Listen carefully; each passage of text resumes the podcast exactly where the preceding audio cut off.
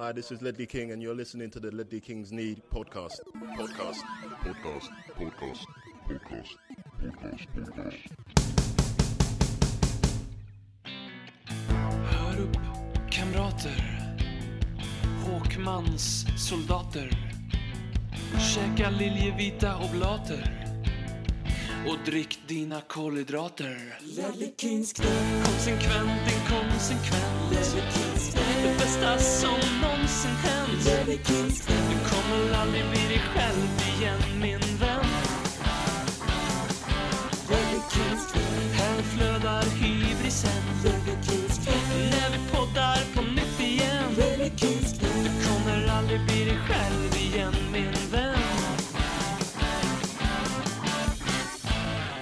Du lyssnar på Ledley Kings knä, radioteatern om eh, norra Londons bästa fotbollslag för eh, fjärde året i rad. Missa inte att eh, följa oss på Facebook, Twitter, Instagram eller gå med i vår chattgrupp på WhatsApp som heter Parrots pågar. Skrivande stund är vi 117 stycken där. Eh, den här podcasten har funnits i sju år och det här avsnittet som just nu vibrerar i dina trumhinnor och smeker dina sinnen är det 200 i ordningen. Men med flit så kommer vi att döpa det här avsnittet till nummer 201 eh, och hålla lite på nummer 200 för då vill vi göra någonting alldeles särskilt eh, för er och, och för oss. Vi tänker en, en livepodd eh, med så många av er lyssnare närvarande som eh, möjligt och när restriktioner och pandemier tillåter detta så hörs vi eh, tills dess om ni har en bra idé på vart man skulle kunna hålla en sån livepodd så tveka inte att höra av er. Robin heter jag och utöver mig själv så har jag med mig två vänner eh, i det här avsnittet. Bland annat den pedagogiska adoptivirländar-argentinaren från staden som producerat Sveriges populäraste smörgås, Skogaholmslimpan, nämligen BM. Alltså det, jag måste säga att eh, du briljerar med din Eskilstuna-kunskap. Jag var i, i dagarna faktiskt så gick jag runt på Kent, Sveriges 17 största tätort och Skogaholmsmuseet här i Skogaholmskvarteret bredvid Kent eh, Street. Mm. Så att det var mycket trevligt. Också även kända för vapenproduktion back in the day. Jag eh, har ju mina källor. Eh, bland annat hittat en, eh, jag tror en amerikansk sida, Wiki... P- Pedia. P- Pedia, som det är väldigt mycket information som kommer till mig eh, därifrån. Eh, så där hämtar jag väldigt mycket då. Sen utöver BM så har jag också med mig naturisten, småbarnsföräldern och eh, saccosäcksvurmaren från staden som producerat Sveriges populäraste rockband, Kent. Nämligen Jocke Wallin. Ja, jag har faktiskt jobbat på Skogaholms. Va? Alltså det är Tänk. sjukt Eskilstunig. Skogaholmslimpa-tatuering, är det någon som har det? Den loggan, det hade ju faktiskt varit något. Inte än, nej. Jocke löser det om eh, när Mourinho vinner lyfter ligabucklan den 23 maj 2021. Vi får se. Vi får se. Jag har en eh, liten uppvärmningsfråga till er. Vad har ni för utsatta djur som ni vurmar lite extra för?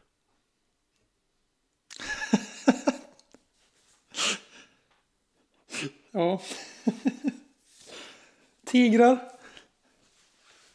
Har du sett någon dokumentär på det ämnet eller? Eh, nej, Tiger King har jag faktiskt inte sett. Eh, om det är Oj, om du med- vurmar för tigrar innan du har sett Tiger King? Oh my ways. Eh, Jag har väl ingen ge- jättegenomtänkt svar där, förutom att de är väldigt majestätiska.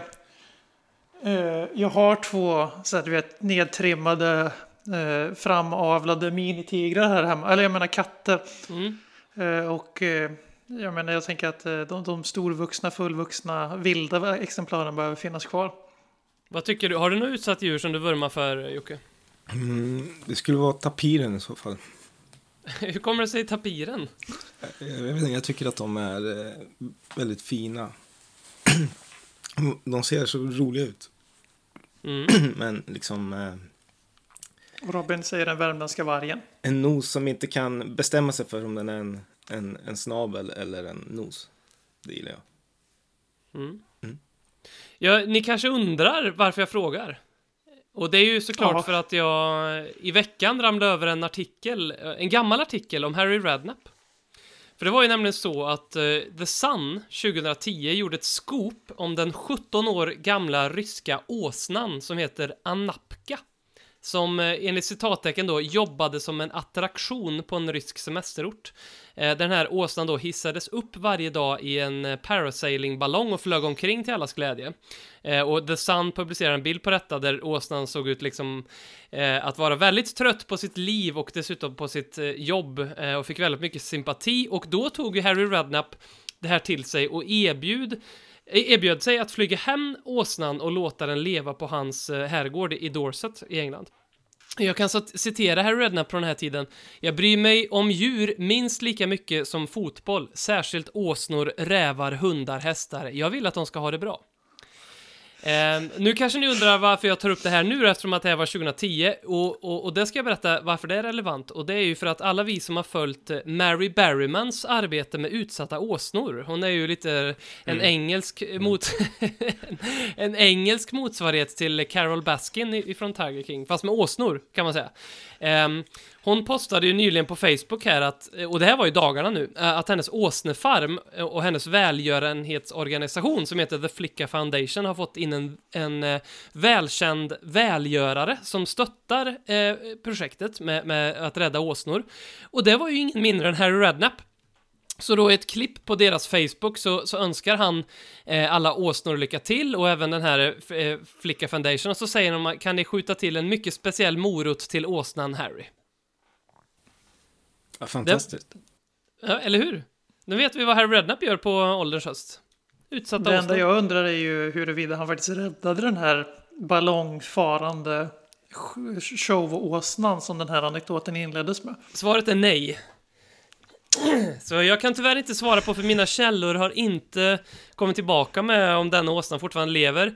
I så fall skulle den åsnan vara 27 år. Jag har ingen aning om vad medellivslängden för en åsna är, men det, jag tror inte att det är 27 år. Men det får jättegärna om det är någon lyssnare som kan detta och som vet hur, hur gamla åsnor blir. Säkert f- 45 eller något. No, 27 år är ju några år för ung för eh, det perfekta tillfället för Harry Redknapp att köpa den. Några år till. Och sen så. Hur gammal var Ryan Nelson? Han eh, typ 40. Så att... Eh, Knappt i alla fall. Ja. 37, Det, det, 38. det är ju upplagt här för eh, ett, ett bra skämt om att Harry Redknapp eh, gillar att eh, managera och hantera åsnor. Jag vet inte exakt hur jag ska vinkla det, men eh, han har ett ganska fint gäng när det begav sig i Tottenham i alla fall. Eh, men eh, hörni, det är ju ett ganska välkänt faktum att vi Eh, tar en del titlar eh, på årtal som slutar med en etta. Och när det här eh, skitåret 2020 är över så inträffar ju året 2021. Som vi redan nu vet kommer bli ett ganska fantastiskt år. Bara till att börja med så, så börjar året på en fredag. Eh, det kommer vara fotbolls-EM, olympiska sommarspelen och dessutom så har Förenta Nationerna, FN, eh, bestämt sig för att 2021 ska vara året för tillit och fred, men också för frukt och grönsaker. Så då tänkte jag skulle börja fråga er, vilka titlar tror ni, vi kan börja med dig Jocke, tror du att vi vinner nästa år och varför? Mm, ja, Mourinho har ju nästan redan lovat att vi ska vinna Europa League. Ehm, men eh, vi måste ju ta oss dit och det har vi inte sett än. Eh, Eller jo, det har vi. Vi kan inte, vi måste kvala oss in. Så. Men jag, jag, eh, om jag ska gissa på en så, jag tror fan vi tar eh, FA-cupen nästa år. Hur kommer det sig att du tror att vi tar FA-cupen? bara en, eh, en sån här vag känsla. Ehm, ja. Mourinho är ju... Liksom, han är ju en cup eller han är en titeltränare och eh, har liksom, ser han minsta chans någonstans då, då går han ju för det. Och jag tror inte att vi kommer ha en chans på, på ligatiteln så att då satsar han nog hårdare på, på cuperna. Vad tror du BM? Eh, Ja, det- jag tror att eh, priolistan kommer vara Europa League, eh, FA-cupen, Carabao eh, Eh, och eh, sen ligan i någon sån form av svävande rangordning beroende på hur det går i ligan. Jag har otroligt, otroligt svårt att se oss eh, ta in de här 30 plus poängen som det är till 40 poäng är det fan mig till Liverpool när allt summerades va. Även om jag ändå vill tro att precis som City den tredje säsongen inte orkade upp på det här 100 poängs snöret så har jag svårt att se Liverpool gå från 97 till 99 och sen inte få någon form av dropp här nu. Men vi kommer inte vara i närheten eh, oavsett. Så det, eh, så det kan vara en säsong där vi kommer att bli det här kupplaget som ändå är lite Tottenham. Vi har inte så många ligatitlar sedan 60, men vi har ju en fram till egentligen Inik kom in då. Ingen Inik out parallell här, men ända sedan de kom in så har vi ju tappat lite av den här cupvinnarprägen. Eh, eftersom att det är genom ligaspel du genererar intäkter i modern fotboll, framförallt med eh, Europa League och Champions League framförallt. Så jag tror Europa League kommer prioriteras högt. Eh, jag vet inte om vi kommer gå in på det senare och reda ut alla de olika scenarierna. Men det är en turnering vi kan vinna. Men det är också en turnering vi som känner vår Tottenham som att om vi nu får spela i det här kvalet så jag har inte jättesvårt att se oss torska i något av de här enkelmötena. Hade det varit dubbelmöten hade jag varit helt säker på att vi kom in i Europa League. Men vi, jag har inte jättesvårt fram, att se framför mig att vi skulle torska i kvalomgång fyra mot något georgiskt lag eftersom det är en enkelmöte. Eh, så, och jag kan inte säga för kuppen för den som Jocke, så jag säger att vi kommer ta Carabao Cup. Vi kommer vara det enda topp 6-laget som tar den på allvar. Och sen när de andra lagen börjar bry sig framåt semifinalen, då kommer ju Jose kunna rulla ut sin buss. Och den har ju varit ganska framgångsrik hittills. Så. Carabao. Om den heter så nästa år, det vet man ju aldrig. Jag gillar det här som eh, Mourinho eh, enligt hans egna utsagor och har sagt till laget inför de här sista matcherna mot uh, Crystal Palace uh, och Leicester att um, föreställ er att ni spelar den här matchen för att vinna Europa League som ett sätt att motivera spelarna. Det är skitbra mot Palace. Nej, det gjorde det i och för sig inte. Men eller så gjorde det det för att det han också kan ha sagt är ta ett poäng. Um, så vinner ni Europa League. Um, jag tror i Mourinhos Sverige, det syntes ju ganska tydligt igår när slutsignalen gick. Uh, han och hans tränarteam, det var nästan lite ironiskt. Och Lamela. Och Lamela. Och Lamela hoppade runt och firade. Um, och det var väl antagligen för att um, de, vi, klar, vi blev klara för eh, Europaspel, eller kval till Europa League rättare sagt. Och sen så när man tittade på posts i social media så var det väldigt mycket om European Adventure, så det är ganska tydligt att nästa säsong kommer handla om Europa League. Det är den titeln jag, jag tror eh, Mourinho är ute efter. Vi fick en fråga på vår Facebook som har liksom ehm, eh, legat och surrat lite i min hjärna här. Eh, och eh, jag skulle vilja, innan man liksom, när man hör den här frågan första gången, eller det här påståendet, så är det lätt att döma direkt och tycka att det är lite förlorarmentalitet. Men eh, Dennis Sjögren skriver så här på vår Facebook, är inte titlar jävligt överskattat? Minns Pochettinos topp 4-placeringar med större känsla än Alan Nilsson avgjorde mot Leicester. 3-1-semin mot Arsenal i FA-cupen 91 är starkare än när vi slog Forest i finalen. Um, och det där har legat och pyrt i min hjärna lite grann. Delvis en längre tid, men också sen jag läste Dennis fråga igår. Och så har jag börjat fundera på det här gamla inte för att det ska bli en filosofipodd eller prettopodd här nu, men jag tror det är Kristina Lugn som har någon eh, dikt om att det är inte målet som är resan, utan det är resan som är målet lite grann. Kan det vara så att vi bygger upp känslan om titlar som det här vita valen, men sen när vi, när vi vinner den där titeln så känner vi i stora hela att ja, det var det, var det eller? Karin Boye. Karin Boye, tack. Förlåt, äh, mitt i jag, kom, resonemang. Ja. jag kommer ju knappt ihåg, alltså jag vet vi vann, var det 2009 eller var det 2008? Vi var i final två år i rad i ligacupen och vann en, förlorade en. Mm. Eh, jag tror vi vann 2008 va? Eh, och alltså det är just den här känslan, i mitt fall då, se Robbie Keane och Ledley King tillsammans lyfta trofén, det är ju svårt att trumpa eftersom det är mina två överlägset mest, eller jag kan inte säga det längre, Harry Kane är fan där uppe nu. Eh, nej, men eh, så just den biten att se Tottenham eller framförallt se Harry Kane lyfta en trofé i våran tröja kommer definitivt vara någonting jag tar med mig mer än att liksom, oh yes, fan vad nice det var när vi, när vi slutade eh, fyra i ligan. När vi kom före Arsenal förra säsongen exempelvis, när vi bara brydde oss om att hålla avståndet till Arsenal och sen gå till Champions League-final istället. Eh, det är ju inte liksom någonting, jag, jag kommer ihåg Champions League-finalen. Jag kommer inte ihåg att vi, yes, vi lyckades hålla Arsenal bakom oss. Åh, fan vad nice. Eller för all del året, vi, de två åren i rad när vi hade en realistisk chans att vinna ligan. Även om det ska alltid sägas att vi choke inget jävla ligaguld till Leicester för vi var aldrig etta. I stort sett. Eh, men jag kommer inte ihåg de åren för att vi kom i topp fyra utan det var för att vi hade chans på bucklan. Så att eh, jag håller inte med Dennis helt enkelt. Alltså det är klart att det, fotboll handlar om titlar. Men det är inte sagt att allting i fotboll handlar om titlar. Men det är klart som fan att jag vill att min klubb ska spela för att lyfta bucklor. Snarare än att komma in och jävla placerings-VM. Ja, är alternativet topp fyra och slåss om ligatiteln samtidigt, då tar jag hellre det. Men om vårt mål och enda mål är att sluta fyra för att få vara med i Champions League, för att få mer intäkter till klubben. Nej, och det var det som var lite grejen med Pochettino, att det var aldrig bara hamna topp fyra som gällde, utan det var alltid någonting större i potten. Det var det som var liksom grejen med honom, att han fick oss att tro att topp fyra, det kunde man nästan ta för givet, det var större mål vi hade på horisonten. Mm. Så, så jag håller helt enkelt inte med våran kära lyssnare. Vad tycker du Jocke? Eh, jag förstår vad han menar.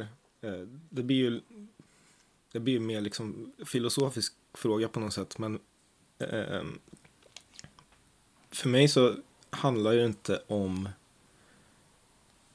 det handlar inte om, om titlarna, det handlar om liksom eh, de här ögonblicken av magi. Och de kan man få av att se eh, Little King lyfta bucklan förstås. Eh, men jag kan också få det av att se Harry Kane spotta på sig själv efter att ha rensat upp bollen på läktaren på Old Trafford.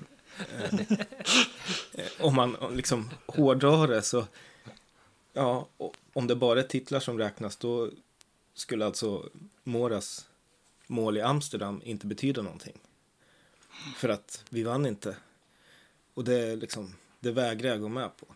Um, men det är ju som sagt att hårdra det. Um, Man kan ju säga det, så här. Det är en väldigt det, intressant det, fråga. Jag behöver inte titlarna för att, för att uppleva de här liksom euforiska ögonblicken. Men det är klart att titlarna också ger det. Mm. Man kan ju säga så här, för Dennis är ju inne på någonting med eh, först och främst då, Allan Nilsen i, i Worthington Cup, som det hette då, mot Leicester. Det var ju, det, det, den, det, den minns inte jag heller, det var väl 99 tror jag, eh, som vi vann den. Eh, och, eh, och, och samma är ju ligacup, eh, den senaste titeln vi tog, ligacupen, så, eh, så, så minns jag, i och för sig där minns jag finalen lite grann, men säg så här att vi hade vunnit Champions League förra året, då tror jag nog på ett sätt att Lucas Moras hattrick och det målet hade varit kanske det starkaste minnet ifrån den Champions League-sessionen, precis som när vi vann FA-cupen 1991, som det man tänker på när man tänker FA-cup 91 så tänker man på Paul Gascoignes frisparksmål mot Arsenal, vilket var i semifinalen. Och det blir väl på något sätt att när titeln är i hamn, det är då de där minnena kanske får en liten extra dos Eh, och, och då blir det extra starkt. Ja, det var då han gjorde det frisparksmålet. Ja, det var då Moras hattrick var. Det var då Woodgate gjorde mål med ansiktet. Ja, det var då när vi vann. Det blir liksom det att ta, ta med sig. För jag tror, om man ska säga överskattat på så vis. Jag tror inte att man liksom blir mer lycklig i sitt supporterskap och går runt och liksom räknar på en hand alla troféer som ens klubb har och vad lycklig man är över dem. Men, men som ni är inne på lite grann minnena då.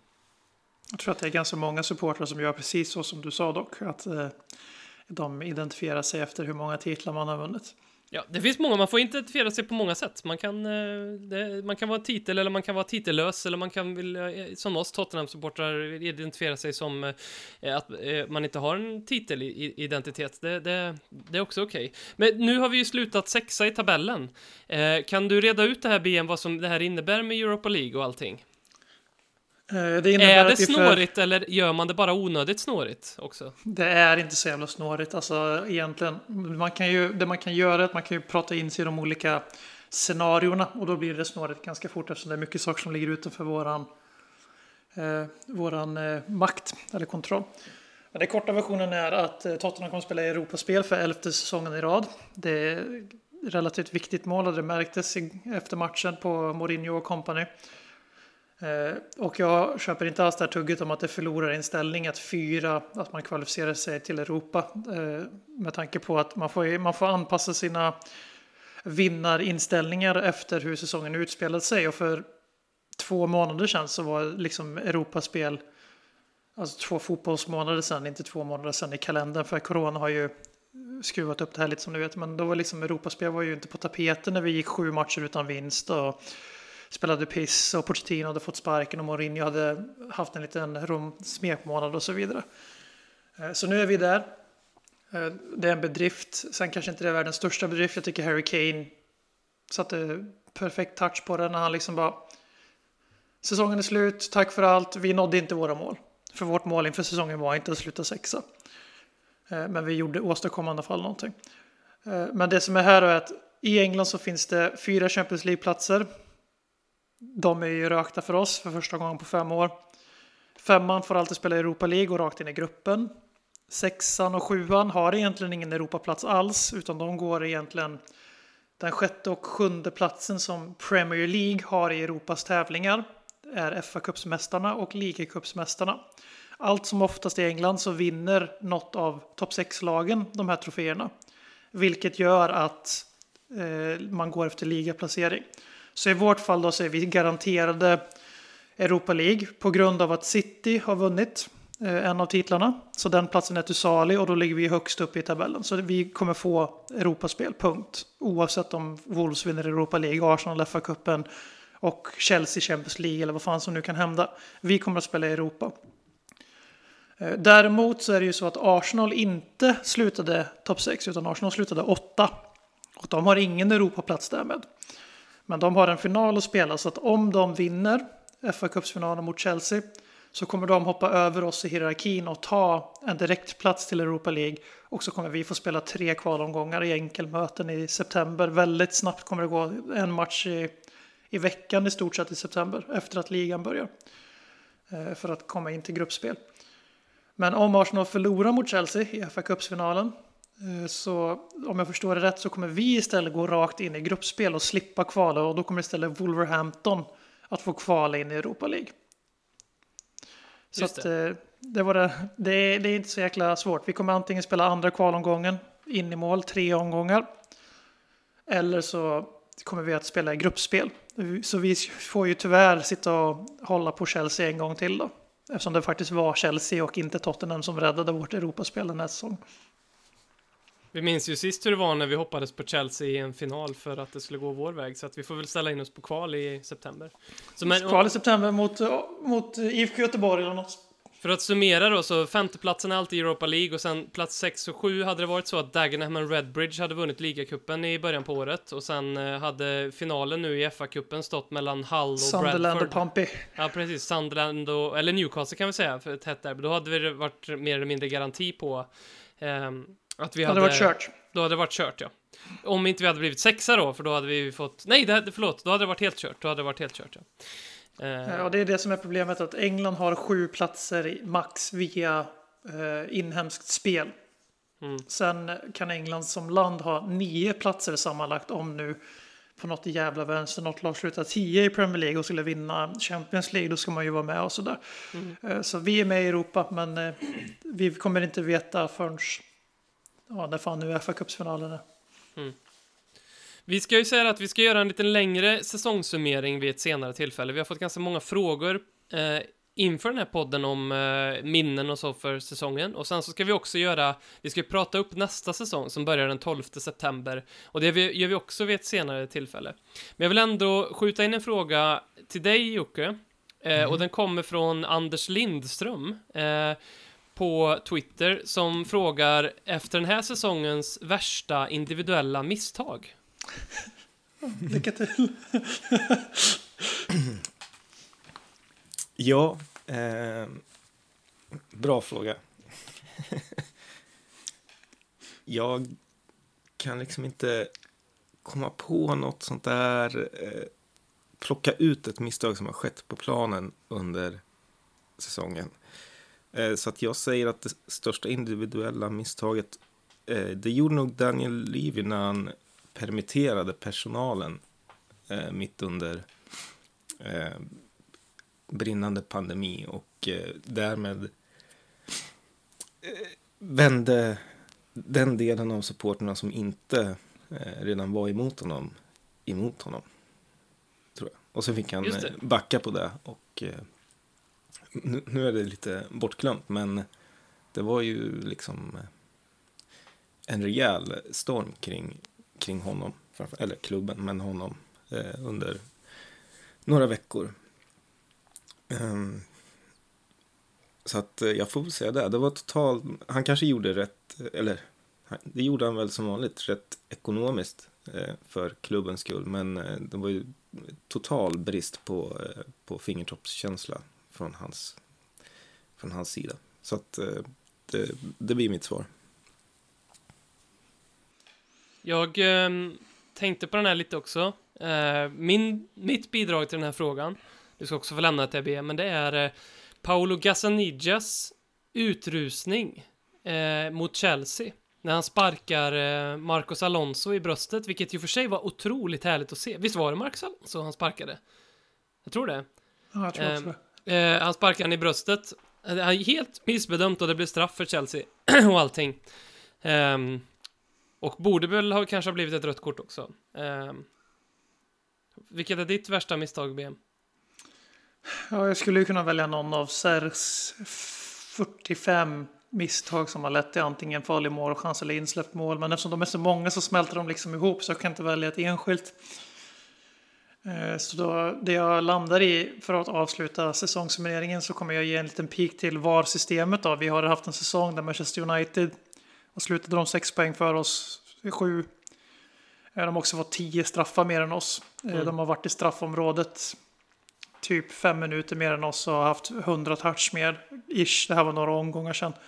Då var det ännu färre touch och sånt i offensivt straffområde som var skillnaden. Eh, Så det största individuella misstaget den här säsongen har varit eh, de tre solklara straffarna Harry Kane ska ha fått som vi inte har fått. Som givetvis han hade konverterat från punkten och sen hade vi spelat Champions League istället. Mm. Eh, Och sen, att- ja. sen mitt wildcard är beslutet att värva Jedson Fernandes, även fast det var på lån. Ja, Den är ju mm, Helt obegriplig. Verkligen helt obegriplig. Jag vet inte riktigt vad som hände där.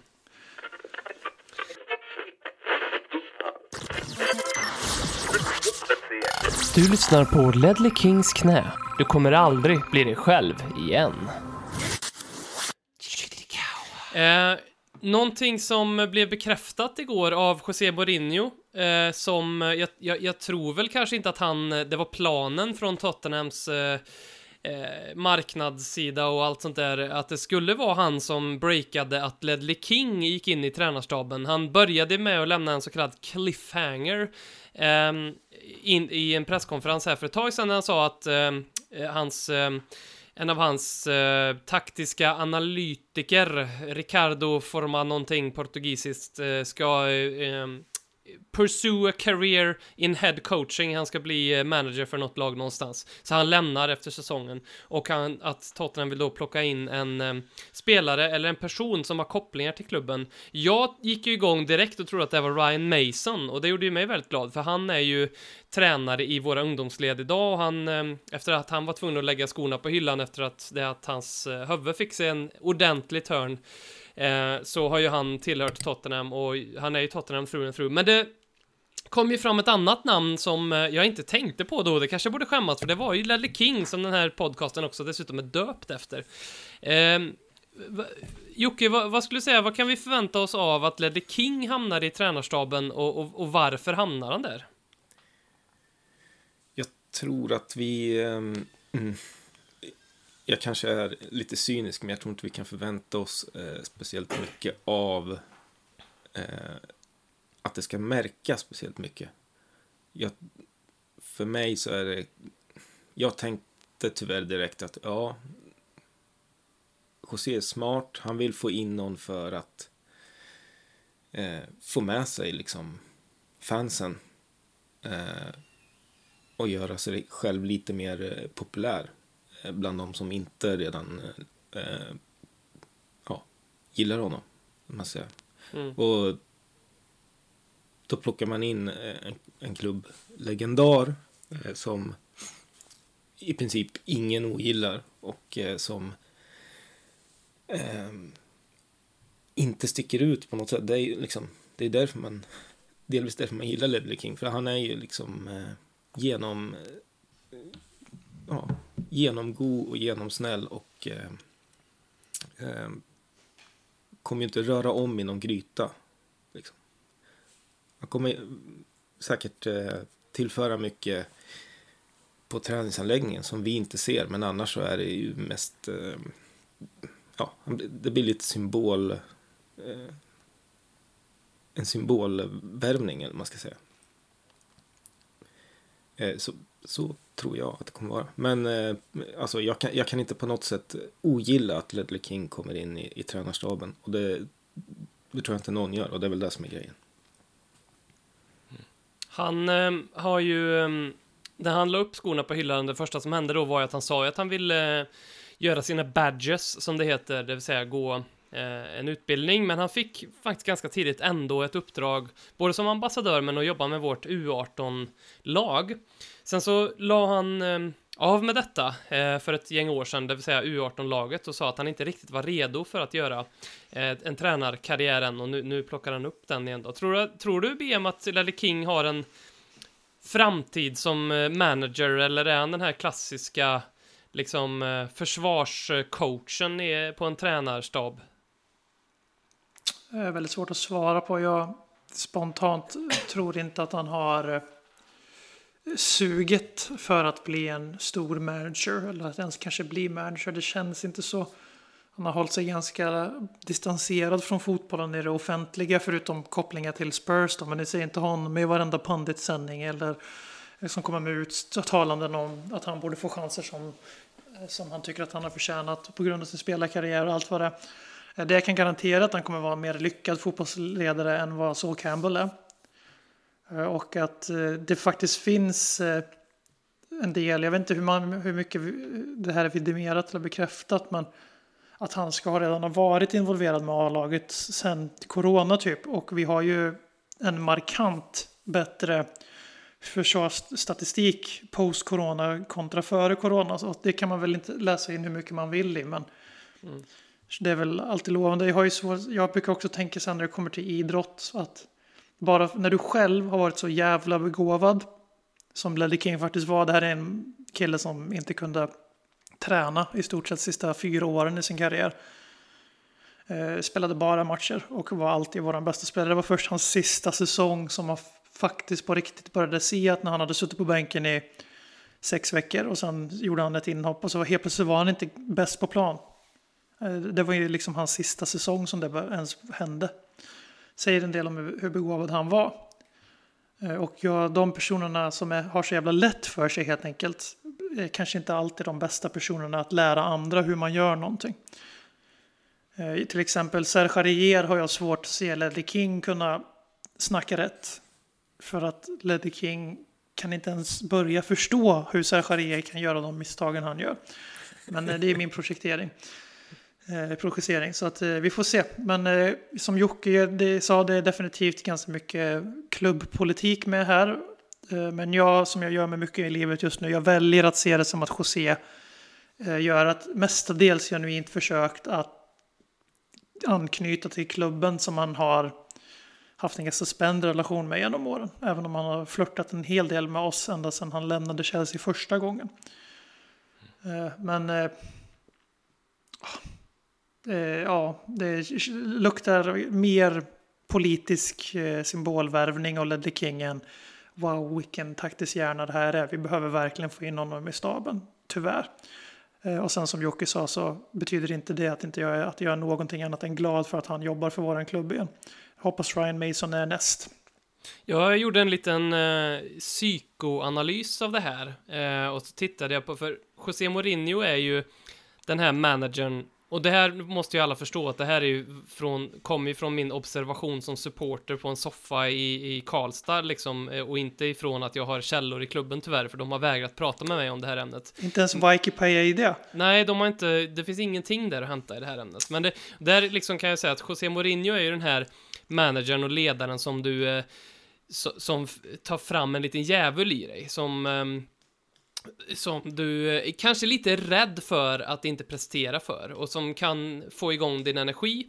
Eh, och sen har vi Joao Sacramento som jag inte tror är någon sorts vidare förebild. Möj- Jag, jag vet faktiskt inte, han börjar mer och mer eh, likna en floppvärmning för mig. Dessutom nu när Ledley King plockas in så, så eh, förkunnades det att Joao Sacramento kommer få en lite ny roll i, i klubben. För mig luk- luktar det lite som när Andreas Boas tog in Steffen Freund för ett par år sedan som assisterande manager och sen så fick han en annan roll. Och sen så helt plötsligt så var han bara borta från klubben utan något meddelande. Det var ungefär som att alla där insåg att, äh men Steffen han du kan gå nu och så blev det liksom en tyst som ingen behövde han fick någon sån här jättemärklig roll att han skulle scouta spelare i USA eller någonting och sen så försvann han helt. Och det känns lite som med sakrament, och Det jag gillar med Lelle King är att jag tror han är lite motvikt till Mourinho. På det här sättet att han är lite där strong silent type.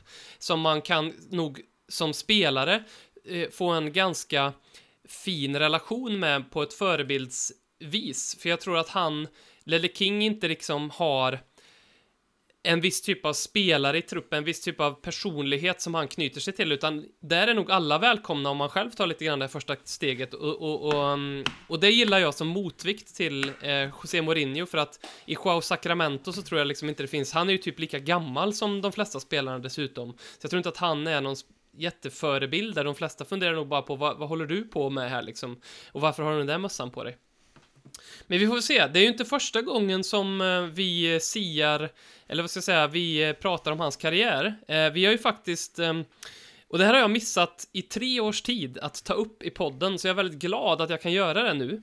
Eh, Vi fick ju på vår Twitter eh, den eh, 12 maj Just det. 2017 ett meddelande som det tog oss väldigt lång tid att läsa för att vi hade inte vi följde inte det här kontot på Twitter. Vi fick ett meddelande från kontot London Youth Games, eh, ett konto med tiotusentals följare eh, som handlar precis som vad det låter som, det, det vill säga eh, någon form av friidrott eh, ehm, för unga i London. En stor förening som anordnar eh, tävlingar och sådär eh, varje år eh, i London. 2017 skrev de till oss för de trodde att vi var Ledley King. Så då skrev de ett meddelande till oss. Hej Ledley! Eh, nu översätter jag friskt här och det är ganska mycket text, jag ska inte översätta allt, men det är en lång utläggning från eh, Grace på London Youth Games som vill att Ledley King kommer och är talare på ett av deras eh, event. Eh, nämligen det eventet när de firar 40 år eh, för deras eh, London Youth Games. Eh, och det här missade vi helt och hållet, vi har faktiskt inte ens svarat på det här. Så att om Ledley King var talare på London Youth Games eller inte, det kan vi ha haft ett litet finger med i spelet, att se till att han inte var. Och kanske är Och det så, Precis. Det är eh, därför han är hos oss nu. precis, för att han liksom upptäckt, han har, han, han har inte fått smaka på hur det är att vara moderator eller att vara talare, så att han har hållit sig till fotbollen, så att ni kan nog tacka oss för att Ledley King sitter där, på ett sätt och vis, eh, där han gör det då. Vi borde ha skickat dit någon. Jag tänker annars, Håkman. Ja, jag, jag tänker annars att vi skulle svarat och låtsas att vi var Ledley Kings PR. Alltså vi, Ja, det. Ledley doesn't run his own socials, but that's a team of four guys. But we'll send, och så skickar vi dit Walkman istället. Det hade ju varit... underbart, underbart. Vi är denna vecka sponsrade av Ingenting. Ingenting är det bästa alternativet där ute för dig med sunt förnuft som skyr saker som spelbolagsreklam eller 15% på redan alldeles för dyra kläder som ingen kommer bry sig om om ett halvår ändå. Gå inte in på någon hemsida och framförallt uppge ingen rabattkod. Kom ihåg, livet är mer än konsumtion. Tack, Ingenting. Vi, eh, jag vill också säga, vi, transfers, vi är ju, transferfönstret öppnar ju i, idag, måndag, um, och um, vi ska ha ett avsnitt där vi fördjupar oss lite mer i transfers så det blir alltid liksom, spekulationen blir väldigt svårt i göra en podd om, tycker vi. Däremot så när det finns heta rykten eller kanske till och med bekräftade värvningar så kommer vi ju såklart återkomma till en fullständig utläggning eh, med vilka, vilka de här spelarna är, vad de kommer tillföra och så. Eh, men jag skulle vilja ändå bara ta upp en fråga som jag har funderat på. Eh, och det är mer eller mindre bara en reflektion. Eh, men har ni också reflekterat över, just när det kommer till transfers, att vi Tottenham-supportrar har någon, en liten högfärdighet, ganska ocharmig egenskap faktiskt, när man, får tit- när man tittar på det lite nyktert. Det är att när vi spelar mot lag som är, är resultatmässigt och poängmässigt eh, eller klubbstorleksmässigt sämre eller mindre än oss, det vill säga om vi möter ett lag som är på plats 10 neråt i tabellen eller ett Championship-lag eller något lag från franska ligan som inte vunnit en titel där på länge. Eller Arsenal. vilket motstånd som helst, eller Arsenal för den delen. Så har de en spelare i det här laget som sticker ut lite i matchen, då är det väldigt snabbt som frågan kommer på Twitter eller i våra chattgrupper att varför värvar vi inte den spelaren? Ungefär som att vi har fri gudomlig vilja att bara gå in och plocka vilken spelare vi vill från ett, en lite mindre klubb bara för att vi är Tottenham och en större klubb. Men när det kommer till det motsatta, när typ Barcelona eller Juventus eller Real Madrids som är väldigt mycket större klubbar än oss, när de säger att vi vill nog kanske ha Harry Kane, då tycker vi nej, nu får ni fan skärpa er, vad fan vad fräckt att säga en sån sak, det där är våran spelare, han ska ni fan i. När Manchester United vill ha någon av våra, då, eller Kane, då blir det ju verkligen, det kan jag känna igen mig själv i, oj vad jag går igång då. Känner du igen det här Jocke? Ja, verkligen. Det är ju oerhört eh, osympatiskt av oss. Men eh, jag, jag, jag tror att det här är, eh, det är någon slags eh, universell fotbollssupporter universellt fotbollssupporterbeteende. Är det inte det? Det är väl inte bara vi? Så du menar, att, du menar att olika klubbar inte består av samma typer av människor? Nej, tvärtom. Att olika klubbar består av samma människor. Ja, Otroligt. samma beteende i alla fall. Med några Samma idioter. Nej, Nej, men, eh, om man ska ta, tackla frågan lite så är det så här att jag hör vad du säger och eh, det blir ju väldigt mycket så eh, i slutet av säsonger. När man ska börja plocka guldkornen i nedflyttade Premier League-lagen. Vilket är väldigt gångbar strategi på Fifa och FM och även för all del i verkliga livet. Eh, Nathan Ackey i, i Bournemouth verkar gå till Manchester City nu för 35 miljoner pund. Vi kopplar samlans med Callum Wilson för 10 miljoner pund i någon form av nedflyttningsklausuler. Aaron Ramsdale har det pratats om som nya backupen till Hugo och allt möjligt. Och det är jätterimligt och jätteförståeligt. Det är osympatiskt. Eh, och säger en del om, så här om man ska vara lite riktigt ärlig om Tottenham för en gångs skull, så att vi har ju ett, ett ganska tydligt mindervärdeskomplex mot vissa klubbar i Premier League i Sverige. Alltså vi svenska supportrar har det väldigt tydligt mot Manchester United och Liverpool och sådär. Eh, att eh, de, här, de här jävelklubbarna, alla deras matcher ses på Viaplay. Den här jävlarna som den där Aftonbladet skämde ut sig genom att skriva om hur Harry Kanes mål hjälpte Manchester United som att det inte betydde ett jävla skit för Tottenham att vi slog Leicester och vi hade ju inte slutat på Europaplats utan de målen. Så att, eh, eh, sådana där liksom. Eh, och sen vänder vi oss om tre sekunder senare och så gör vi exakt samma så här, tysta maktförtryck och snobberi och översittarhet som man hatar hos Manchester United-supportrar och Liverpool-supportrar och gör exakt samma mot eh, alla andra lag som befinner sig på när, näringskedjan. eh, Vi gjorde ju det när eh, Giroud gjorde mål till exempel. Det var ju jättebra för Chelsea att han gjorde det målet. Men vi tänkte ju, Girouds Yes. mål, fan vad bra för Tottenham. Succé för Tottenham. ja. Ja. men precis. Och, det, och sen blir det så här att, att man glömmer bort att det finns supporter till de här klubbarna också. Och så där. Men sen en till del av det, för vi har fått ganska många frågor, jag vet inte om du hade tänkt att ta någon av dem nu, men vi har fått väldigt många frågor om vilka spelare i nedflyttningslagen vill ni att vi värvar? Mm. Eh, och eh, ja, det kan man väl dra, men alltså grejen är så att vi, vi är inte den enda klubben som tänker så. Det är inte bara vi som sitter och tittar att hmm, fan, Callum Wilson 22 Premier League-mål på två säsonger i Bournemouth. Mm, 10 miljoner pund, det är ingenting. Nej, det, det, han vill vi inte ha, utan så det är bara vi som vill ha och så vidare. Eh, men jag tycker det är, det är alltid spännande med fotbolls eh, tribal, tribalism eller tribalism när man är stam, tänker som en stam. Och vi har rätt till alla spelare vi vill ha som spelar i en klubb som är mindre än oss. Men, eh, och sen eh, är det, ingen får köpa våra spelare utan det, vi vill bara sälja spelare som vi supportrar inte tycker om. Och vi ska bara köpa alla spelare och sen så ska vi samtidigt ha en bra ekonomi, ett trovärdigt och hållbart projekt och eh, spela väldigt bra fotboll samtidigt som vi ska vara pragmatiskt nog att vinna.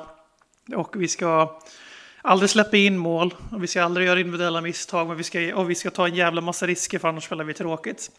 Det är fan inte lätt att vara Tottenham-spelare. eh, En skillnad tror jag från oss jämfört med till exempel United och de här, eh, nu gör jag i luften sådana här fnuttar, större klubbarna liksom som är vana att sluta i toppen på ett annat sätt än vad vi är. Är ju att eh, i år till exempel eller varje år som vi inte då eh, kommer i toppen så, eller vinner något så får ju alla våra supportrar panik direkt för att eh, alla är övertygade om att ja, men nu drar Harry Kane, Son och Hugo på en gång för att klubbarna över kommer bara plocka dem.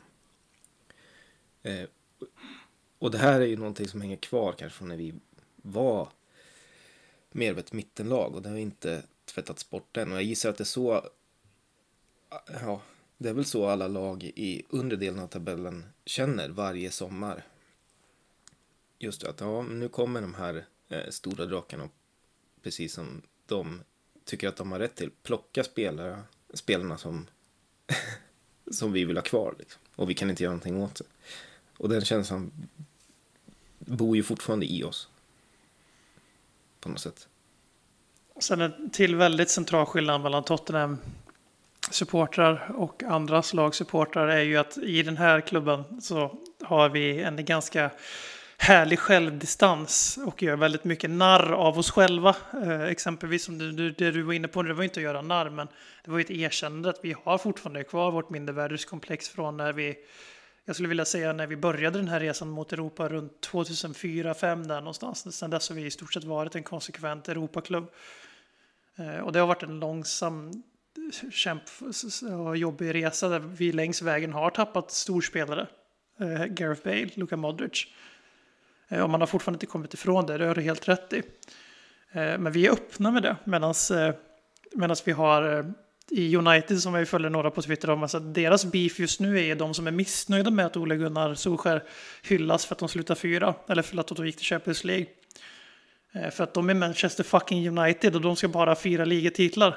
Känner ni igen det här Arsenal-supportrar i Sverige, ni tre som finns kvar? Eh, Och sen har vi andra sidan av den debatten som är bara "Vad, Håll käften, vi är fan med i Champions League. Nu kan vi köpa Sancho, vi kommer behålla Pogba, vi kan plocka Kane. Och man bara så här, Fan, det är ju exakt likadant överallt. Det är bara att man har lite olika trappsteg man börjar på. Och sen så går det runt en så här ändlös cirkel av mobbning, ner, sparka neråt, spotta uppåt och eh, min klubb är störst, bäst och vackrast. Och så är Spurs då med, med några touch och självdistans och lite ironi mot sig själva ibland. Det är väl det här som är lite osmickrande för City och Chelsea-supportrar på det här viset att vi är ju tillsammans med dem en av de klubbarna som i alla fall i modern historietid, eh, fotbollshistorietid, har flugit upp från en lägre position. City var ju bara för inte alls för länge sedan den här klubben som ja men typ eh, West Bromwich som åkte ner och som åkte de upp direkt och de åkte ner och upp igen i, i ligan. Um, och man hör inte så mycket från deras fans idag eh, om att de liksom är ödmjuka inför det faktum att de tävlar om en titel varje år och att oj, vilken konstig situation att befinna sig i. Eh, eller att de har någon form av känsla att ja, vi kanske åker ur i år, man vet aldrig. Det, det, det är helt borttvättat. Mm. Eh, och lite grann samma är det ju med Chelsea. Och nu, nu kanske det är väldigt trångsynt sagt av mig, för det kanske är så att det här visst existerar. Eh, och eh, jag, jag inte följer de supportrarna, men, men, men, men ehm, det är inte känslan man får i alla fall, upplevelsen man får när man, man följer de här lagen och deras supportrar. Är det de med Arsenal? Total, total noll självinsikt och eh, ödmjukhet och framförallt självdistans. Ja, vi vet att vi Tottenham-supportrar kan vara dryga jävlar. Framförallt den här podden kan ju vara rätt bra på att eh, provocera och retas lite med andra supporterbaser. Eh, Men jag lovar, innerst inne så vi vet mycket väl, vi, det finns inga som är snabbare än Tottenham-supportrar på att ta ner Tottenham på jorden igen. Eh, Det är någonting som framförallt Chelsea, City och Arsenal-supportrar kan ta lärdom av tycker jag. Skönt att... att du- ja, vad skulle du säga? Du, du är inne på någonting. Jag, jag skulle säga att det mest liksom, osympatiska draget av allt, av alla liksom, fotbollssupportrar är att vi pratar om de här, man, vi startar på olika trappsteg. Den stora skillnaden mellan till exempel, ja, jag kan tänka mig Leicester nu eller oss eller, och Manchester United nu. Det är ju den här gruppen av supportrar som tycker att de hör hemma på ett, på ett visst trappsteg. Manchester United hör hemma i Europa-eliten. Eller eh, Arsenal hör hemma i topp 4. Som att det är en, en konstant som absolut inte får ändras och inte kommer ändras under historiens gång. Det är ju oerhört jävla drygt. Det är fan det värsta jag, det värsta jag vet med de supporterna. Att de liksom inte, de kan inte ens föreställa sig den här att eh, ja, men framgångar kommer i cykler och det kommer och går och ibland så har man eh, liksom svackor och de kan kolla på fan, kolla på Leeds. Eh, de har liksom varit borta under ganska lång tid nu från finrummet eller vad man ska kalla det. Eh, och jag kan tänka mig att de också har så här, ja, men nu är vi tillbaka där vi hör hemma. Um, Uppenbarligen inte eftersom de har varit borta i 16 år. exakt. Det, det, det är det jag försöker säga. Det fin, det, du har inget ställe där du hör, där du hör hemma. Det, det, är ett jävla, det är ett spel liksom. Um, Ja. Skönt att vi ännu en vecka kan eh, summera att eh, Tottenham-supportrar är jordens Störst absolut bästa, bästa människor. Med mest självinsikt och mest ödmjuka. Och sådär. Vi, Vi- hör hemma där. Ja. Vi hör hemma i de ödmjukas klubb. Ja. Vi ska gå vidare med eh, pingpong. Som ju är Åh, det fy fan. momentet i den här podcasten där eh, våra kunskaper sätts på prov. De tre senaste gångerna så är det ju mina kunskaper som har satts på prov genom att BM har utmanat mig. Ja, det har gått ganska bra för mig. Nu är det min tur. Alldeles för bra Robin. Jag har Eh. haft prestationsångest. Jag sov inte i natt. Nu är det min tur att ge er lite prestationsångest. Eh, och pingpong går ju ut på eh, att endast får ni tävla mot varandra eller så får ni vara i lag. Det får ni, vet, det får ni bestämma faktiskt när jag har berättat vad den här omgången av pingpong eh, kommer gå ut på. Eh, och det är, vi har ju pratat om titlar. Och eh, den här pingponggången handlar om något så enkelt som titelår. Det vill säga, ni ska säga ett årtal som Tottenham har vunnit en titel på. Eh, och så får vi se hur många rätt ni får. Eh, så fort ni säger ett år där vi inte har vunnit en titel så, eh, så är ni ute ur tävlingen så att säga. Vill ni tävla i lag eller tillsammans? Vad säger du Jocke? Ska vi köra varannan eller ska vi snacka fram och pricka in dem allihop? Jag kommer vara så dålig på det så det spelar ingen roll. Liksom. Eh, vi kan vara i lag, drar jag ner dig Ja, vi testar. Vi har inte, vi har inte, varit, vi har inte varit idag förut. Då diskuterar vi tillsammans. Vi, kan, vi måste få ställa en fråga Robin före vi börjar. Mhm. Räknas Saudi Cup? Audi Cup räknas inte, utan med de titlar som eh, jag räknar är högsta ligan då, Division 1. Um, ehm, så det där kan jag avslöja, vi har inte vunnit Premier League. Eh, utan men vi, däremot har vi vunnit Division 1 då. Eh, europeiska kupper som inte är Audi Cup eller Nolia Cup som Tottenham vann 1977 i Umeå. Eh, den räknar jag inte. Sen räknar jag FA-cupen, Ligacupen, Charity Shield. Alltså det som faktiskt också på Tottenhams hemsida står som Major Honors. Jag räknar inte när vi vann dåvarande Stopp, Championship. stopp, stopp, stopp, stopp. Mm. Community Shield räknas som en major honor. Det är en Major Honor. Precis som att världsklubb, världsmästerskapen för klubblag och europeiska supercupen så att Liverpool kan säga att de har vunnit en fyrdubbel i år. Okej. Det, det, är Nice. en, det, det, det, det är en sån titel. Eh, när vi vann andra ligan, eh, Division 2, det räknar jag inte som en större titel. För vi hör inte hemma i andra ligan. Okej? Eh, det är 18 årtal. Eh, och... Eh, så jag vill att ni, nu vill jag att ni börjar. Ska vi Eh, gissa att vi tar vi- 10 av de här BM? Ja, jag är lite så här, vi kommer ju råka säga typ 60, det här är inte en gissning. Vi kommer råka säga 62 när det är ett annat årtal eh, som är precis bredvid. Men vi kan börja, så vi jobbar eh, från eh, 2020 och bakåt eller från andra hållet, vad tycker du? Det spelar ingen roll. Vi kommer Jag skulle råda er att ta dem, jag skulle råga, råda er att ta dem ni känner er säkra på först och sen Vi- börja chansa. Det är, en bra, det är en bra, ett bra tips. Mm. Vill du börja BM? Eh, Jag blir osäker på Worthington Cup här, vad var det du sa om den nu? Om fick de vara med eller inte? Ja, den får med. Ligacupen får med. FA-cupen 1991. Den är rätt. Då vann vi en titel. Vi vann även Charity Shield 1991. Eller vi blev delad vinnare som man kunde bli då. Så att, eh, bra. Är. Hur? Va? Va? Hur? Ja. Nej, så var det då. Så blir det oavgjort i, i Community Shield och så båda då fick. får man dela på titeln. Ja, det, det är definitivt en major honor som sagt. En träningsmatch som blir oavgjort. Båda får varsin buckla. Mm. Eh, Ja, men 2008 kan vi säga. och då hette den väl Carling Cup då eller? Ja, det är rätt. Ligacupen vann vi då mot Chelsea. Woodgate ansiktade in bollen. Och så 2009 förlorade vi på straffar mot United. Precis. Eh, sen har vi ju... Vi har FA, Uefa-cupen var det 80, 84. 84 och... Det är det Mm. två eller? 84 är rätt. Uefa-cupen vann vi 84 genom Jag att får slå... säga 82, men det var IFK Göteborg som vann 1982, så den hade ju varit... Mm. 84 är rätt. 61 förstås. First, för, ja, first 61, Division ja. 61 och 63 va? Vi vann ligan och så vann vi FA-cupen 1961. Så att vi tog Det ju dubbeln då. Det första laget att göra det. Sen sa ni 63 också, eller?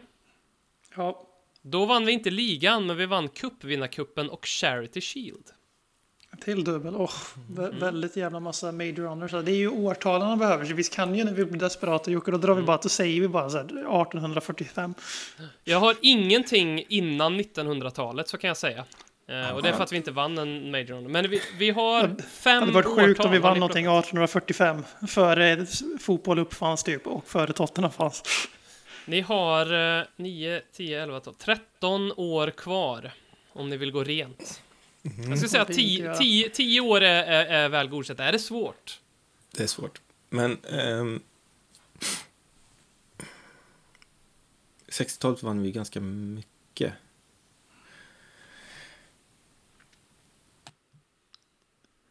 tänker- 80-talet har vi inte varit inne på. Ja, vi har tagit en på 80-talet, men det finns fler. Jag försöker komma på vilket årtal det var Ni tog 84. Vi tog 84, ja. Ehm, eh, 81 förstås. When the year ends in one. Såklart. Då eh, tog vi FA-cupen. Och kanske ska säga 2001 och 71 2011, också. vad vann vi då? då? 2011 vann vi tyvärr ingenting. Inte ens Nordliga Cup. Men ni, jag antar att inte ni sa 2011 nu. Nej. Men vi kanske ska säga 71 då. Ja, det gör ni rätt i, för då vann vi ju ligacupen. Mm. 1971. 61, 71, 81, 91. Man förstår ändå lite grejen. Mm. Sen, så, sen vad som hände 2011, det, det, det, det var undantaget som bekräftar regeln. Eller? Finns det fler rätter? Jag kan inte komma ihåg att vi vann någonting 2001, men det gjorde vi säkert eftersom att han sa sådär. Nej, Vad säger du Jocke? 2001. 2001. FA-cupen, ligacupen. Det var, gjorde vi vann inte när, vi vann inte FA-cupen 2001 i alla fall. Eh, vänt, Vi har inte sagt eh, 99 va? Nej. Nej. 99 rätt. 99. Ligacupen vann vi då. Mm. Det sa du ju förut i avsnittet så jag tänkte att det var Ja men då, vi måste ju ha vunnit något eh, 2001 då. Låter ni den eller? Jag, vill, jag, jag, jag är helt övertygad om att det är någonting på 70-talet vi bommar, men jag kommer fan inte ihåg vilket år vi hade den här, när, när rivaliteten mellan Tottenham och Feyenoord födde, föddes. Jag vill säga 77, men jag skulle Ja, säga jag vill också 2001 säga först. 77, men jag vet inte varför. Sådär på raken. 77 eller 78. Men vi säger, ska vi säga 2001 först då? Är du Jag tror att det var- säker? Jag tror att vi har något i Europa 77. Vi säger vad vann- 2001 och 77. Okej. Vad vann vi 2001? Vi bara chansar för att det ger ends in one. Ja, Vi vann ingenting 2001. Nej, jag, fan, jag visste det. Vi, men ni tog hälften. Var det rätt 77 eller var det 79? 77 vann vi ingenting. Nej, vad fan. 78 Men eh, de eh, year ends in one som ni missade var ju första FA-cupen 1901. Och sen när vi tog dubbeln, FA-cupen och Charity Shield 1921. Och när vi vann högsta ligan 1951. Så det var de ettorna. Sen har vi ju ganska skaplig tvåa också, year ends in two. 1952 Charity Shield, 72 Uefa-cupen, 62 FA-cupen, 82 FA-cupen och Charity Shield. Ehm, När vann du Uefa-cupen då? 84? och- 73 och eh, 84 ja, så att 73 va- 70, förlåt, 72 vann vi ju FA-cupen mot Wolverhampton. Sen 84 var väl mot Feyenoord, eh, om inte jag minns helt fel. 73 vann vi också ligacupen. Jag väljer att se det här som ett bevis på att eh, jag är ung och vital och inte eh, ha koll på saker som händer för långt Jag tycker det får, det får vara godkänt att ta hälften. Det får det vara faktiskt. Jag tycker också att det är ett bevis på att eh, den här, vi inte har kommit till Tottenham Hotspur för att vi älskar titlar. Tydligen. Eller så var det väldigt länge sedan vi... ja. Vi eh, har några lyssnarfrågor. Johan Persson har skrivit på vår Facebook. Det är för lite politik i podden. Eh, förr fanns Cristiano Lucarelli och Paolo Di Canio, två ytterligheter förvisso då, som öppet visade sina politiska tillhörigheter. Vad har dagens Spurs-spelare sin politiska hemvist? Vem röstade troligtvis på Ukip? Vem är gråsosse? Och så vidare.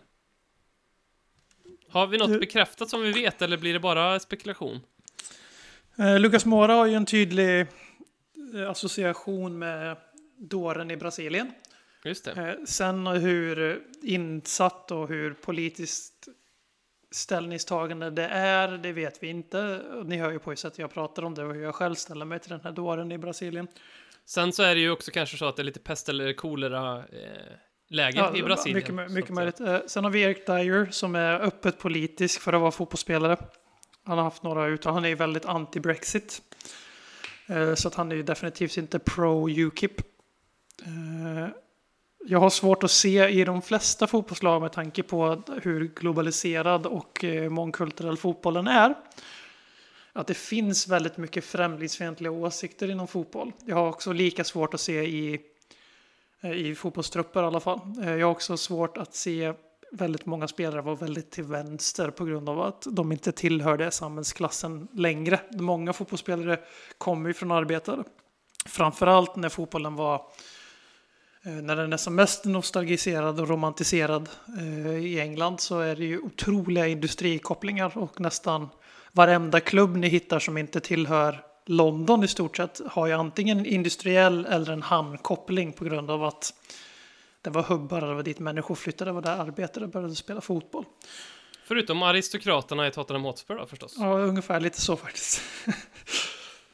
Eh, Men eh, så den som är mest till vänster och därmed blir gråsosse i laget är Eric Dyer. Motsatsen är Lucas Moura. Och vem ska vi kasta framför bussen här som... Jag tänker, eh, jag tänker gråsosse, då tänker jag Ben Davis. Mm. Totalt Ja, bara för gud, ja. Sticker inte ut någonstans. Liksom. Okej, Ben Davis tar vi. Gillar vaniljglass, bäst av alla glassorter. Ja. Den jäveln. När han står där framför GB Glass-containern och så väljer han vaniljstrut. Vad fan, Ben Davis. Åh. Men hur... hur ehm, eh, visst måste det väl ändå vara så att... Jag menar, människan är ju... Det finns ju inte supermånga moderater i liksom ett gammalt brukssamhälle där, de flä- där många lever på nästan existensminimum på samma sätt som det inte finns jättemånga vänsterpartister på Östermalm i den fina societeten och med, med det sagt kan alltså fotbollsspelare som tjänar så mycket pengar ehm, måste väl tendera till att bli lite mer höger. Eller? Ja, Det måste definitivt. ja. De är nog som, fotbollsspelare är nog som eh, människor är mest, att majoriteten av människor är totalt ointresserade av politik, förutom när det brinner till vid val eller vid väldigt enkla ja nej ställningstaganden som typ Brexit eller Storbritannien, om man ska lämna Storbritannien eller sådär, om man är Skottland och så. Eh, för det är lätt att tycka saker då. Eh, sen är det ju så kanske att politik inte bara ska vara bara tänka tycka, utan ibland så skulle det vara bra om man tänkte också, inte bara tyckte. Eh, Men ganska många fotbollsspelare på den här nivån som Tottenham ändå befinner sig på. Vi är väl på vad, om det finns sju trappsteg så är vi väl på sjätte trappsteget just nu kanske. Mm. Eh, Och de har nog behövt lägga ganska mycket krut och energi och tid på sin fotboll. Och därmed inte varit särskilt intresserade i, i samhällsfrågor. Och sen så har ju jag faktiskt en fördom om fotbollsspelare att de stannar i sin mentala utveckling. Eh, Och, it is what it is. Ja, lite så. Eh, och att de kanske därmed inte behöver oroa sig över som när man själv var 15 då tyckte man en viss sak politiskt. För att man levde ett visst liv då. Sen när man närmar sig 30 och börjar få inkomst och börjar tänka familj och lån och lalala, då kanske man börjar släppa vissa naiva så här, ungdomsideal. Det är därför ungdomsförbund alltid är så spacade. Så du menar när du och Marie flyttade in i den lägenhet, då slängde du din muffpin som du hade skaffat på gymnasiet? Eh, högstadiet så fick jag en. FP med moderat film. Men jag hade ju också en, jag hade ju också en eh, disktrasa med Reinfeldt på som jag fick av min familj. Där de satte sig ner allvarligt ner och sa att du i den här familjen är vi fan med i sossar. Eh, och därför röstar jag ju nu självklart på Mjölbypartiet. Eh, Gratis snus till folket. Just det. Och, Och, eh, och med mig på den båten så har jag ju en liten chock här, men det är ju Dele Alli. Hur kommer det sig att, Finsnusaren eh, Dele Alli. Hur kommer det sig att Dele Alli snusar Siberia, Jocke? Jag har fan ingen aning. Han är, han är väl en sån här kicksökare. Ja. Det var ett snällt sätt att säga att han, när han inte kan ta kokain så... Vet vet vad han stod så Kan det inte ha varit eh, hon som tatuerade? Alltså, den, jag har också tänkt på det, men den ligger på ett ställe där hon inte skulle lägga den om den var hennes, därför att det skulle betyda att hon Om var inte de lite hade väldigt- för nära hennes skrev och hämtade den. Om inte, de var väl, om inte det var väldigt så här, intim relation mellan de här två. Mm, det så vet kan vi det inte. vara. Så kan det vara. Nej, Han har men, ju eh, haft sådana för. Jag tycker att det var fint att Jocke nu sa att eh, Dele Alli är en kicksökare när han egentligen ville säga att vi alla fattar ju att det är Dele och eh, KK som tar KK tillsammans. Får jag Annars komma är det. Lamela jag hade trott var Siberia eftersom att han dricker fem liter mate före matcherna och har varit avstängd från fotboll på grund av kokainmissbruk som alla vet. Får jag komma med en grej här som inte är Tottenham-relaterat och det har med snus att göra och jag kommer att skaffa mig ett par fiender eh, i och med detta. Jag tror du snusar va, BM? Ja, Ja. Snusar du Jocke? Nej, och jag har snusat så att jag är på något sätt friskriven, liksom, man, man behöver inte döma mig, men skitsamma. När det kommer till snus, så olikt alkohol och droger, så, så är det en sak som man absolut inte får ifrågasätta.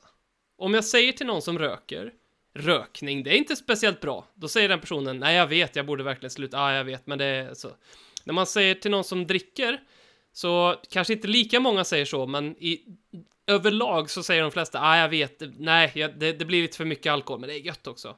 Men säger man till någon som snusar, snusning är inte så bra, då får man höra, ja men det är inte så dåligt som alkohol och droger, och så blir det lite försvarsställning. Eller hur? Mm, bra spaning. det är också faktiskt korrekt. eh, Att det är mindre skadligt än alkohol och droger. poäng. Vilket skulle bevisas. Jag sitter och fiskar. Va? Det är ju helt sant, men det, men det är ju också sant att det är bättre att inte snusa än att snusa, men det får man ju inte säga i det här landet. Det är faktiskt, du, det är något på spåren där, värmlänning. Mm. Men eh, jag gillar också hur du bara svepte över att man går runt och säger till folk som bara du, du är vardagsalkoholist och Sverige har en mörk, mörk historia med vardagsalkoholism. Och har en väldigt, väldigt skev bild på alkohol med att man ska köpa i bunk, man ska bunkra alkohol på Systembolaget för det är fan bara där man får köpa det. Och så, så, så, så, så berättar du din anekdot här med att du bara du, fan. Det måste vara roligt på fester för övrigt.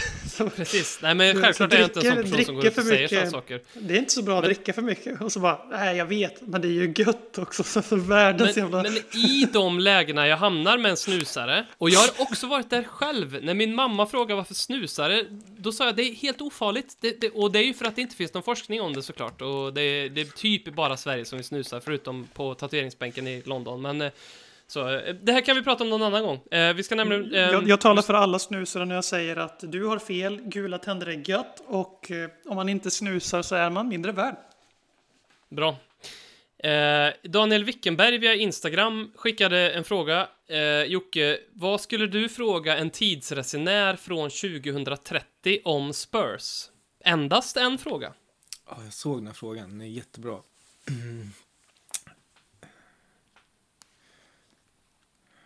Har ostrummet öppnat? Vad skulle du göra med den informationen? Om, om han sa ja, ja, ja, ja för fan. Nej, jag vet inte. Man bara måste veta Robin, det bara är så. Man måste veta. Vad fan ska man fråga annars? Eh, Jag trodde faktiskt att du skulle säga när fick Mourinho sparken och varför var det i januari 2022?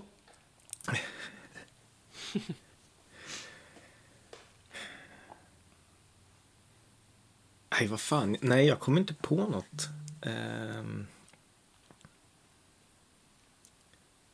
Men, Man, man kanske bara ska fråga, när vann vi... När vann vi ligan? Så att man vet vilket år man kanske ska liksom sikta in sig på att få någon form av säsongskort alternativt spara ihop till en resa så att man kan vara på plats när vi, ja, det är bra. när vi vinner. Det är bra. Men eh, risken finns ju då att svaret blir bara mate. Precis, och, och då, då är det också ganska skönt för då vet man att man kan friskriva, man kan ta bort den ångesten.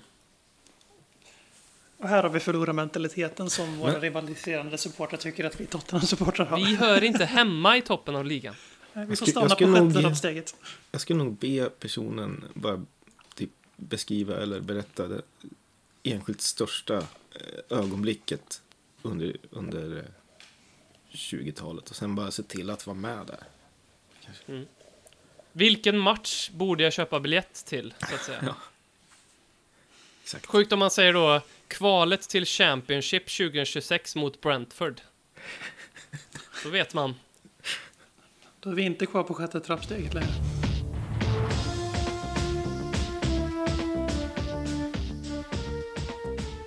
Vi ska eh, avsluta med eh, Expedition Robinson. Som ju är eh, en serie i den här podcasten eh, där vi varje vecka, alla som är med i podden får rösta ut en spelare.